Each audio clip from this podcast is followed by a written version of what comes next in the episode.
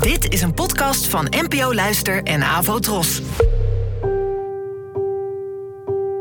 Poëzie vandaag.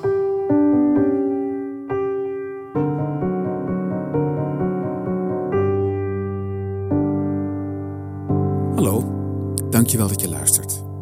Het gedicht van vandaag is geschreven door Sylvia Hubers, die werd geboren in 1965. Loeder. De dagen dat ik loeder was geworden. Wat was de punt van mijn ballpoint lang geworden?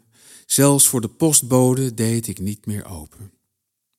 En net toen ik, loeder, mij achter de dagen had geschoven, toen ik met leep geworden ogen het gaan en komen van donker en licht gadesloeg, toen kwam jij met je pling, plang, plong zoals deuren klinken. En mijn sloffen werden schoenen en mijn schoenen kregen vleugels.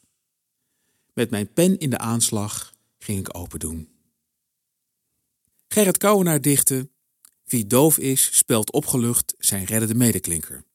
In andere woorden, je kunt maar beter doof zijn dan dood. Ik weet niet of dat ook geldt voor het woord moeder, waarmee het werkwoord worden prima valt te verbinden, de dagen dat ik moeder was geworden. Maar dat staat er niet. Wellicht tot opluchting van het zelfverklaarde loeder in dit gedicht. Loeder worden. Er zit een hoop dichterlijk effect in die twee woorden. Immers, wie er loeder is geworden, was dat eerst niet. Hoe, waarom en onder welke omstandigheden word je het dan wel? Daar laat het gedicht zich aanvankelijk niet over uit. We komen er alleen maar achter dat de ik zich goed herinnert hoe het was om een pasgeboren loeder te zijn. Nogal op zichzelf, met leepgeworden ogen en weinig andere interesses dan het licht en het donker te zien komen en gaan. Maar ja, dan staat er toch weer een jij met je plink, plank, plong voor de deur en dan weet je het wel. Het loeder verlaat de zelfgekozen schulp om open te gaan doen en de lezer worden twee dingen duidelijk.